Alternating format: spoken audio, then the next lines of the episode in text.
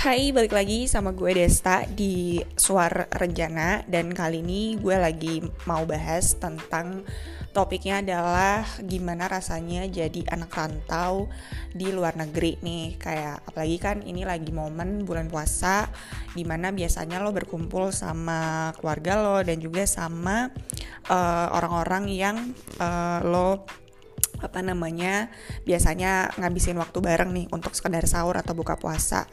Nah kebetulan uh, beberapa tahun lalu uh, ya dua tahun belakangan lah gue juga sempat menjadi anak rantau ketika lagi di uh, Melbourne dan uh, mungkin nanti gue juga bisa cerita lebih lengkap gimana uh, apa namanya experience gue selama menghadapi uh, puasa di sana. Tapi kali ini gue nggak sendirian, gue akan call satu temen gue dan dia juga lagi jadi anak rantau uh, di uh, di luar negeri, tepatnya di Jepang. Uh, Nanti uh, gue coba telepon dulu. Oke. Okay.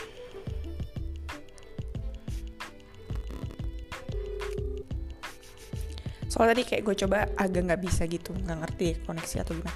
Hai dari. Mau pakai ini terus nggak pakai itu. Uh, I don't know. I'm trying to like uh, pakai anchor tapi nggak tahu nih suaranya tuh jadi nggak masuk kayak gue bisa denger suara lo tapi lo nggak bisa denger suara gue gitu kan? Nah, ya udah. Oke, okay, jadi ya udah uh, ini udah on air sih. Udah gue tadi udah introduction dulu uh, perkenalan. Nah, kali ini gue gantian nanya-nanya ya. Oke. okay. Oh, ini udah mulai pakai pakai uh. mulai pakai ini aja. Pakai apa namanya? Pakai phone. Iya, udah oh, tapi uh, nggak gue pakai anchor tapi uh, lo gue telepon gitu loh dan gue pakai uh, mic soalnya. Oke, okay, oh, okay. let's let's try ya. Oke, okay, so uh, perkenalin dulu dong uh, nama lo siapa, saat ini lagi di mana dan ngapain? hmm, hai teman-temannya Destari. Thanks to inviting me. This is, honestly, this is my first time ever in my life to have like post podcast discussion kayak ini pertama kali gue ada di podcast kayaknya. Di wawancara podcast. Biasanya cuma phone call atau mungkin hanya diskusi ringan gitu kan. Oke perkenalkan nama gue Derry. Uh, saat ini gue bekerja sebagai full time product customer experience di salah satu perusahaan internet company and uh, human resource internet companies in Tokyo Jepang. Okay. ya saat ini gue tinggal di Tokyo. Mm -hmm Oke, berarti uh, saat ini kan emang domisili lo lagi tidak di Indonesia kan ya di tengah puasa ini. Dan uh, udah tidak berapa lama nih? Uh, biar audiens juga dan juga pendengar tahu nih, lo udah berapa lama tinggal di Jepang? Oke, okay, uh, gue tinggal di Jepang dari 2018, mm -hmm. ya, untuk akhir Oktober, akhir mm -hmm. Oktober. Jadi gue uh, sebelumnya memang kerja di project juga di salah satu perusahaan uh, SOE perusahaan China mm-hmm. di Indonesia dan di Singapura itu gue resign Oktober 2018 terus gue langsung move pindah ke Tokyo akhir Oktober terus start November 2018 so it's like almost two years I think. almost two years ya Nah, uh, kalau dari pengalaman lo menjadi anak rantau sendiri bisa diceritain nggak dari kapan dan kemudian gimana bisa kemudian uh, terlempar nih menjadi seorang uh, expat ya di Jepang? Iya, itu kantornya hal yang ya. Memang salah satu uh, salah satu salah satu memang lulus itu sudah tinggalkan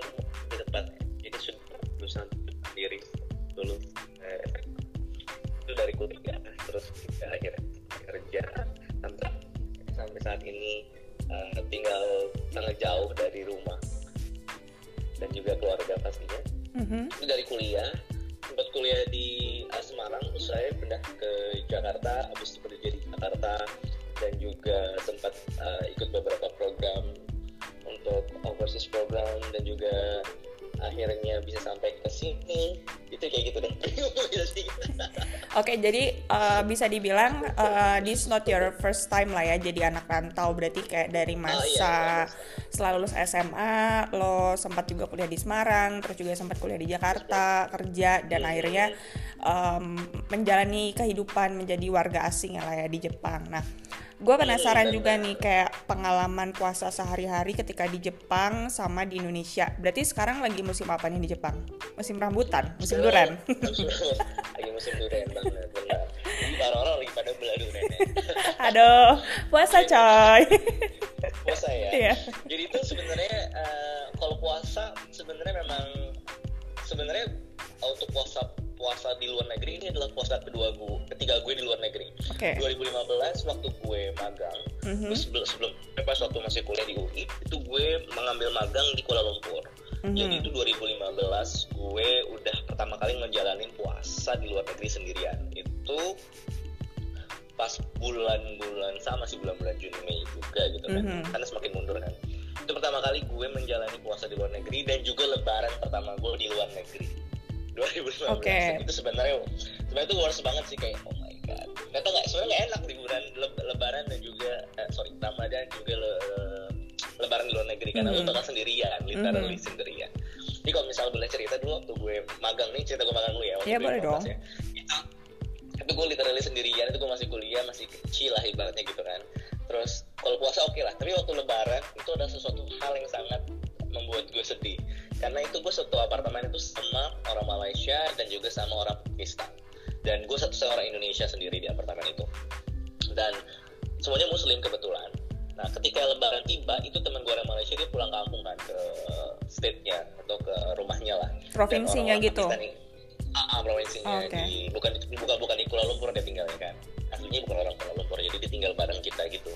Kuala Lumpur Terus kalau yang orang Pakistan ini dia kumpul sama teman-teman komunitas Pakistan ya, seperti okay. itu. Dan itu tuh gue belum kenal sama komunitas Indonesia kan, mungkin gue orang sangat pemalu ya, jadi gue merayakan Idul Fitri sendirian. Gue okay. gue agak-agak uh, ini sih terganggu dengan lo bilang lo orangnya pemalu sih. uh, gitu ya.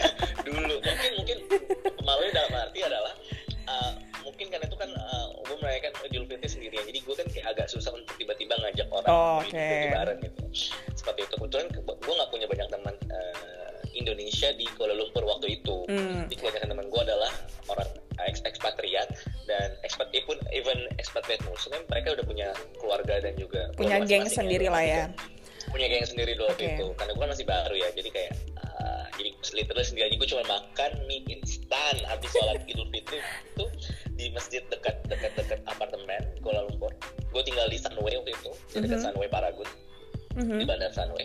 Jadi gue habis sholat jumat ah, sholat jumat sholat id pagi-pagi terus gue balik ke apartemen terus gue sedih. Oh my god terus gue nelpon kan oleh orang tua. Gue mereka makan ketupat opor dan lain-lain. Cuma makan mie.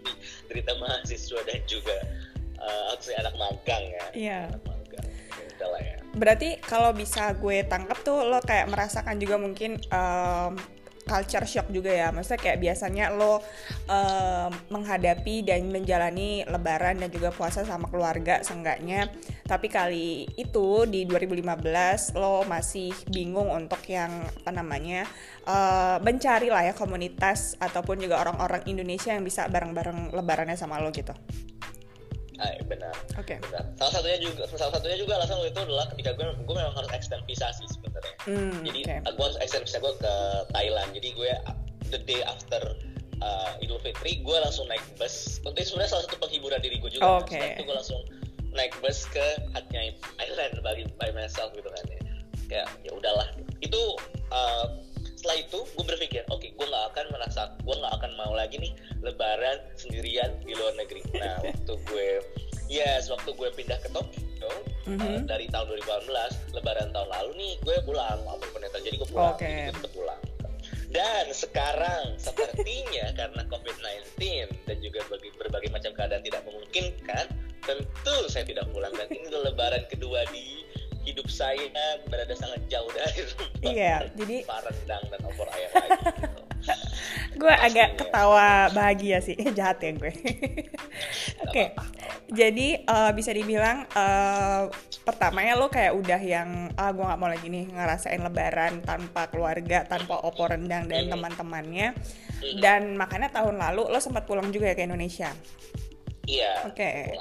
jadi waktu momen lebaran doang pulangnya tahun lalu oh enggak sih enggak sih sebenarnya momen-momen kayak tahun baru terus tahun baru sama apa sih lebaran jadi kayak momen agak libur panjang jadi gue enak ambil cutinya kan sekaligus short short gitu okay. oh, cuti gue nggak banyak ya sayang gitu kan okay. sayang kalau misalnya dipakai tiap bulan Alright.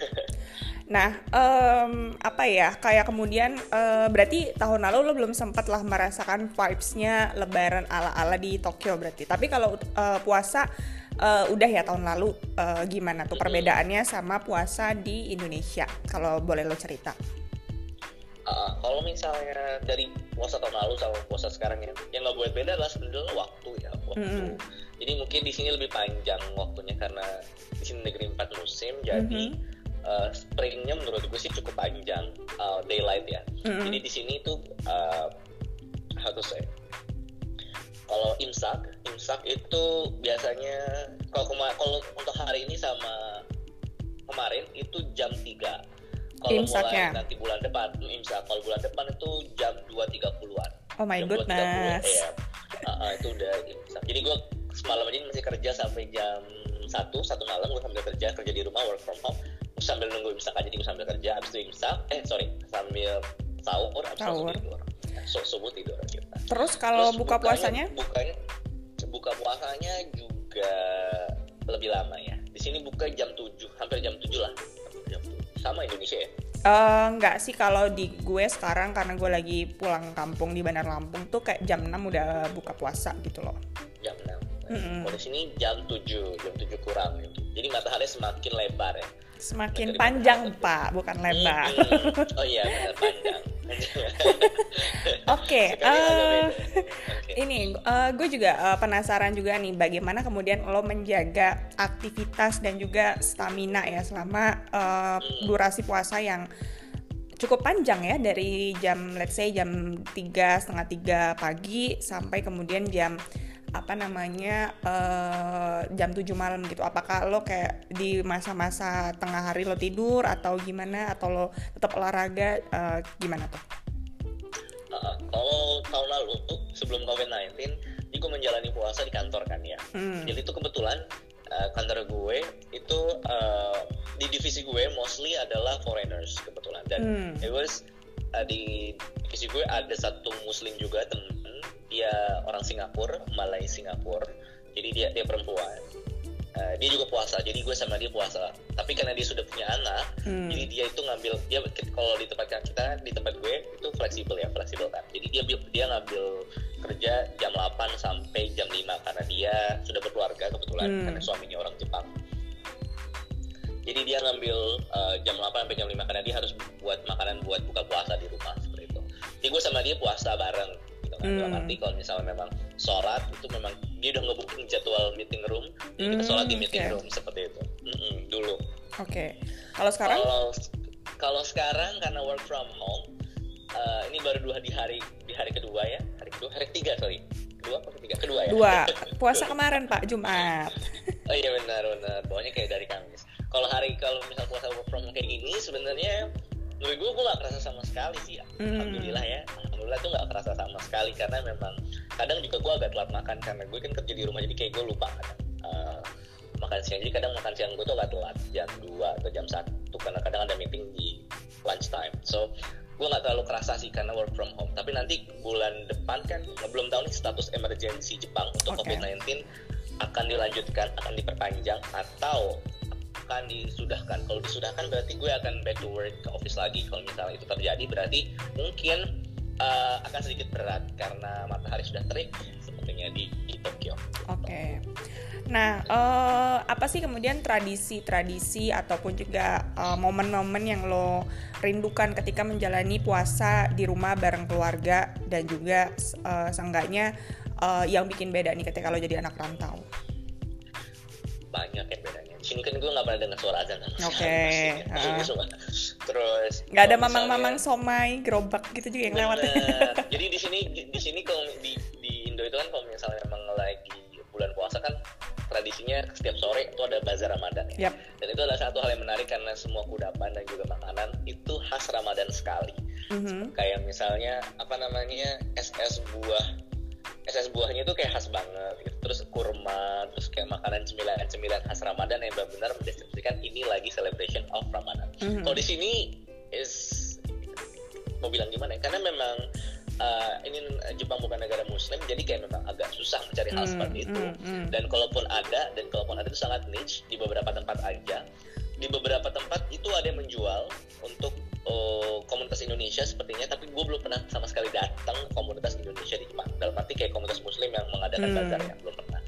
Jadi uh, itu yang gue rasakan kayak apa yang gue rindukan seperti itu kayak merasakan takjil Ramadan Hmm, khas Indonesia takjil, ya. atau atau kadang dengar suara azan atau taraweh rame-rame gitu. Hmm. Karena di sini uh, taraweh masjid agak jauh. Kalau misalnya gue tinggal dari gue tinggal, karena gue bisa sholat di Tokyo Chamii, Mhm. masjidnya Syahrini waktu kawinan.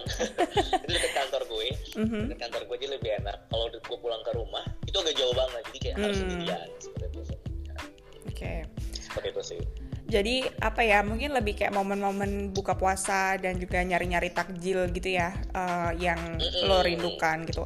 Kalau gue juga boleh sedikit cerita ya pengalaman gue sih eh, mungkin agak-agak mungkin sama ya eh, beda-beda tipis juga sih kali sama eh, pengalaman gue ketika dua tahun lalu dua tahun belakangan lah menjalani hari-hari puasa di Melbourne di mana ya kayak lo bilang jarang dengar suara azan udah gitu juga kangen apa ya suara-suara kadang kayak dibangunin sahur sama orang-orang tetangga-tetangga gitu kan. Biasanya kayak ada suara beduk sahur gitu. Di situ lo juga ngerasain gitu gak sih kalau misalnya lagi di rumah kayak ada rame-rame kayak bangun-bangun sahur tuh kan kayak kita jadi semangat gitu kan puasanya terus lagi kemudian ya eh, walaupun sebenarnya kalau di Melbourne sendiri cukup banyak sih komunitas dan juga eh, karena gue juga tinggal sama orang Indonesia ya. Jadi eh, emang agak rame juga ada yang ngadain teraweh ada juga kemudian yang ngadain buka puasa. Kadang walaupun memang em, gue ber- bersyukur tahun lalu itu pas lagi uh, autumn kan. Jadi kayak justru lebih uh, karena gue di belahan bumi selatan jadi kayak lebih cepat puasanya kayak jam jam 5an itu gue udah uh, bisa buka puasa dan jam 6 gue baru imsaknya jam 6 pagi. Tapi memang iya dan dingin gitu kan. Maksudnya nggak yang terik-terik kayak di belahan bumi utara gitu kan. Nah tapi kalau bisa dibilang tahun ini memang uh, kondisi uh, apa namanya puasanya pun juga agak berbeda sih. Walaupun mungkin uh, gue sempat keluar juga memang untuk kadang kayak beli sesuatu di minimarket atau apa. Sebenarnya jalanan tuh masih rame. Orang jualan takjil ataupun orang uh, beli-beli yang eh, jajanan buat buka puasa gitu. Tapi kayak terawih terus juga em, apa kegiatan-kegiatan yang ke masjid itu udah eh, tidak disarankan gitu ah, dan juga dilarang gitu. Jadi kayak memang kita mostly terawih di rumah. Bahkan cowok-cowok juga sholat jumat sekarang udah di rumah dan agak senyap sih gitu. Maksudnya nggak serame ataupun juga se apa ya em, seheboh kalau misalkan tahun-tahun sebelumnya lagi ada puasa gitu. Tapi ya eh di Indonesia pada umumnya sih. Maksudnya kita udah udah udah agak-agak yang ya kan juga eh, makin ke sini kan eh, jumlah number orang yang kemudian kena covid kan juga udah cukup tinggi gitu kan ya. Jadi eh, disarankan untuk kemudian mengalami eh, ya udah mendingan ibadah dan juga eh, puasanya di rumah tanpa harus mengurangi kehikmatan cie puasa. Bahkan beberapa teman-teman gue juga banyak yang batal pulang karena semenjak Jumat kemarin itu udah diterapkan eh, ini ya eh, apa nggak boleh orang-orang untuk pulang menggunakan jalur transportasi darat, laut maupun juga udara. Jadi kayak banyak yang kemudian tiketnya refund segala macam. Nah, oke eh, pertanyaan terakhir nih. Mm-mm. Mm. Jadi apa nih tips uh, buat uh, orang-orang nanti yang dengerin podcast ini biar bisa mungkin kerja abroad juga kalau di Jepang uh, apa aja yang harus disiapin. Mungkin siapa tahu nanti dari sekian ya mungkin beberapa nggak hanya belas lah beberapa puluh ataupun ratus orang yang dengar podcast ini bisa juga mengikuti jejak lo untuk uh, kerja dan bisa uh, hidup di uh, luar negeri gitu. Bukan sebagai ini ya. Lo itu kan berarti juga uh, TKI ya? Tapi TKI yang TKI yang uh, memakai knowledge ya yang expat ya gitu. Gimana okay, um, kalau misalnya ingin kerja abroad itu sebenarnya banyak cara ya. Sebenarnya dari pertama kali gue kerja itu gue pertama kali kerja profesional juga memang langsung abroad. Kebetulan 2015 itu mm -hmm. ketika teman-teman ketika teman-teman gue magang coba untuk cari uh, karena dulu jurusan gue adalah communication mm -hmm. uh, di UI. Mm-hmm. Jadi teman-teman gue itu pada nyari PR agency waktu itu. Jadi mm-hmm. PR agency di Jakarta yang yang happening banget terus gue kepikiran aja oke okay, kalau misalnya gitu coba coba gue untuk nyari step ahead untuk nyari tempat magang di luar.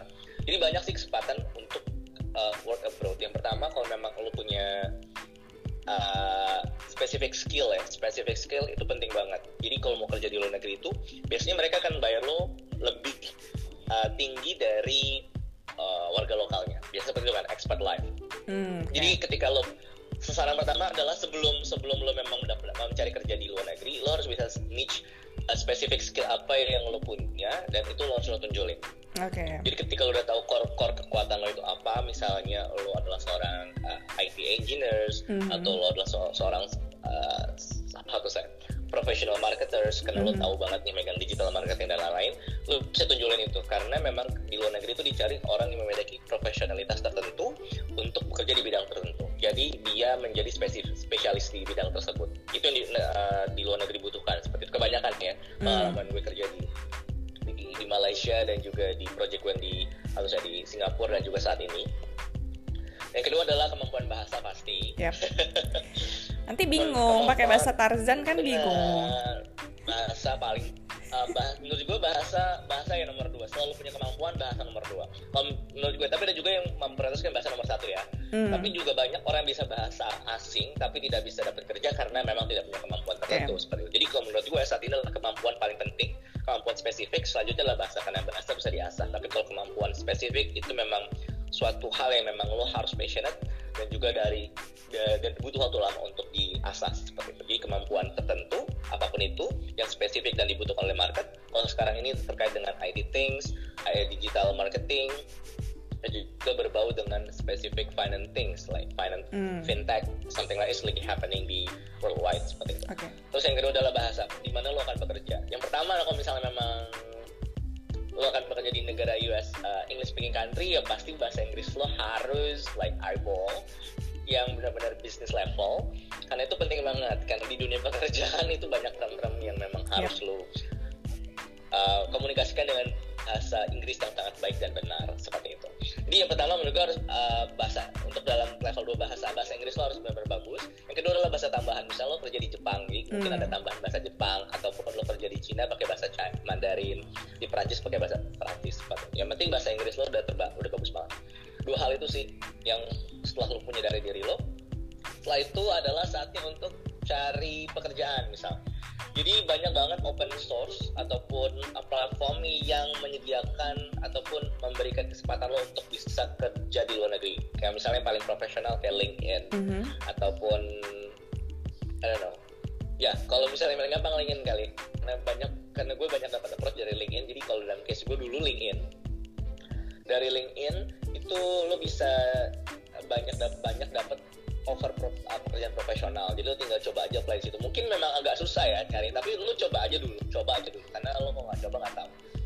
LinkedIn biasanya juga di Facebook honestly itu beberapa perusahaan dia mengadvertise uh, hmm. company ataupun job hiring di uh, Facebook Facebook advertising. Jadi lo kadang walaupun lo gen milenial jarang buka Facebook coba aja sekali-sekali cari di situ. Atau lo memang kalau punya interest lo like page-page yang terkait dengan uh, how to say tempat atau company yang lo pengen. Misalnya lo suka sama Google lo pengen banget kerja di Google lo like sebuah page yang terkait dengan Google dan biasanya dia akan memberikan informasi kalau misalnya lagi ada hiring terus yang kedua yang ketiga adalah yang keempat dong memang ada oh yang keempat ya tadi Hmm. ketiga apa lupa gue Yang ketiga. yang keempat ya Yang ketiga ya menggunakan inilah, maksudnya kayak website ataupun uh, let's say uh, pencarian untuk pekerjaan. Yang keempat, Iya, mm, iya, iya.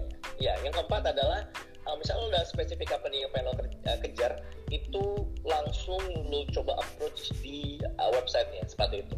Oke. Misal lo pengen banget kerja di Facebook, lo langsung buka tuh Facebook hiring. Karena di situ yang salah satu uh, apa, apa ya informasi terupdate yang dibuka oleh HR dari suatu company seperti itu. Dia langsung coba approach dari situ. Yang kelima adalah adalah uh, ini networking Hmm, gue salah gue salah satu orang yang menggunakan channel nomor 5 sih sebenarnya networking karena memang ini hal yang sangat gue maintain uh, dari awal jadi dari networking ini gue bisa ke mana-mana alhamdulillah. Jadi dari pekerjaan gue sebelumnya sampai saat ini gue berada di sini pun itu karena networking. Jadi ya itu networking dengan siapa pun itu penting. Karena biasanya orang itu akan menawarkan pekerjaan kepada orang yang dia kenal.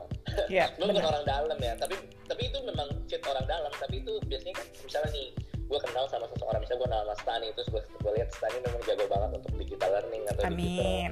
uh, digital marketing. Terus gue lihat oh kayaknya lagi ada open nih dan buka untuk orang asing. Kenapa gak gue tawarin yang gue kenal dulu gitu kan? Gue nggak mungkin random nyari orang. Kalau misalnya gue bisa kenal sama teman gue gue coba dulu ke teman gue kalau memang belum cocok mungkin gue bisa cari yang lain. Seperti itu sih. Itu networking power of network itu penting banget Oke, berarti Gitu. ada uh, lima tips ya ala Derry yang bisa gue recap. Yang pertama adalah lo harus punya fokus ataupun juga spesialisasi mau di uh, bidang apa gitu. Dan yang kedua adalah uh, ini apa sih namanya lebih kayak uh, penggunaan bahasa secara profesional dan juga mungkin kalau memang lo pengen bekerja di negara yang um, apa let's say non uh, English speaking country kayak Jepang ataupun Italy or uh, Arab atau Chinese lo bisa uh, upgrade kemampuan bahasa lo itu terus yang ketiga Hmm.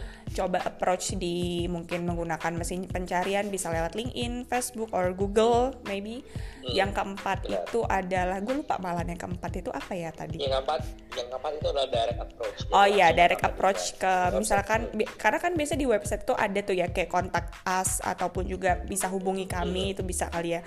Dan yang kelima adalah networking, benar sih. Karena sometimes gue juga kalau misalkan apa ya eh, misalkan lagi pengen juga cari partner ataupun cari eh, apa pekerjaan sama misalnya gue lagi ada handle satu program atau pekerjaan nih biasanya gue juga nge-refer teman gue dulu kayak tanya eh lo ada kenalan nggak untuk di di bidang ini? Atau eh lo bisa nggak bantuin gue di bidang ini? Karena sometimes apa ya kita udah bisa lihat kredensial orang itu kan. Maksudnya dari track record dia dari kemudian juga oh misalkan uh, gue uh, interestnya di digital learning ada nggak nih kayak temen lo yang juga interestnya sama? Dan itu biasa lebih match dibanding lo kayak uh, ya bisa sih lo open untuk yang uh, apa secara banyak gitu kan ya uh, vacancy gitu. Tapi kadang dengan adanya reference itu kayak lebih menjanjikan sih. Oke Uh, thank you banget Derry untuk uh, percakapannya sungguh Mhm. bermanfaat ya berfaedah ya semoga bermanfaat cuma kurang panjang sih Iya.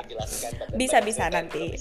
Iya, bisa. Uh, uh, karena uh, apa ya menurut gue kayak podcast tuh kan uh, jangan terlalu panjang-panjang juga gitu nanti yang ada uh, dia juga bosen gitu tapi uh, I think it's it's um, really a good uh, talk in the morning kayak walaupun uh, pagi-pagi ya habis tadi sahur terus kayak uh, kita bisa setidaknya memberikan inspirasi lah ya buat orang-orang nanti yang dengar podcast ini. Thank you so semoga much. semoga semoga. Iya. dan apa namanya eh, semoga puasanya juga lancar dan juga semoga tidak ada apa sih namanya halangan suatu apa pun di sana. Well gue close ya. Thank you ya Der. Bye. Assalamualaikum. Sama-sama. Bye bye waalaikumsalam warahmatullahi wabarakatuh Oke, itu tadi uh, podcast uh, gue sama salah satu teman gue juga yang saat ini menjadi anak rantau di Jepang.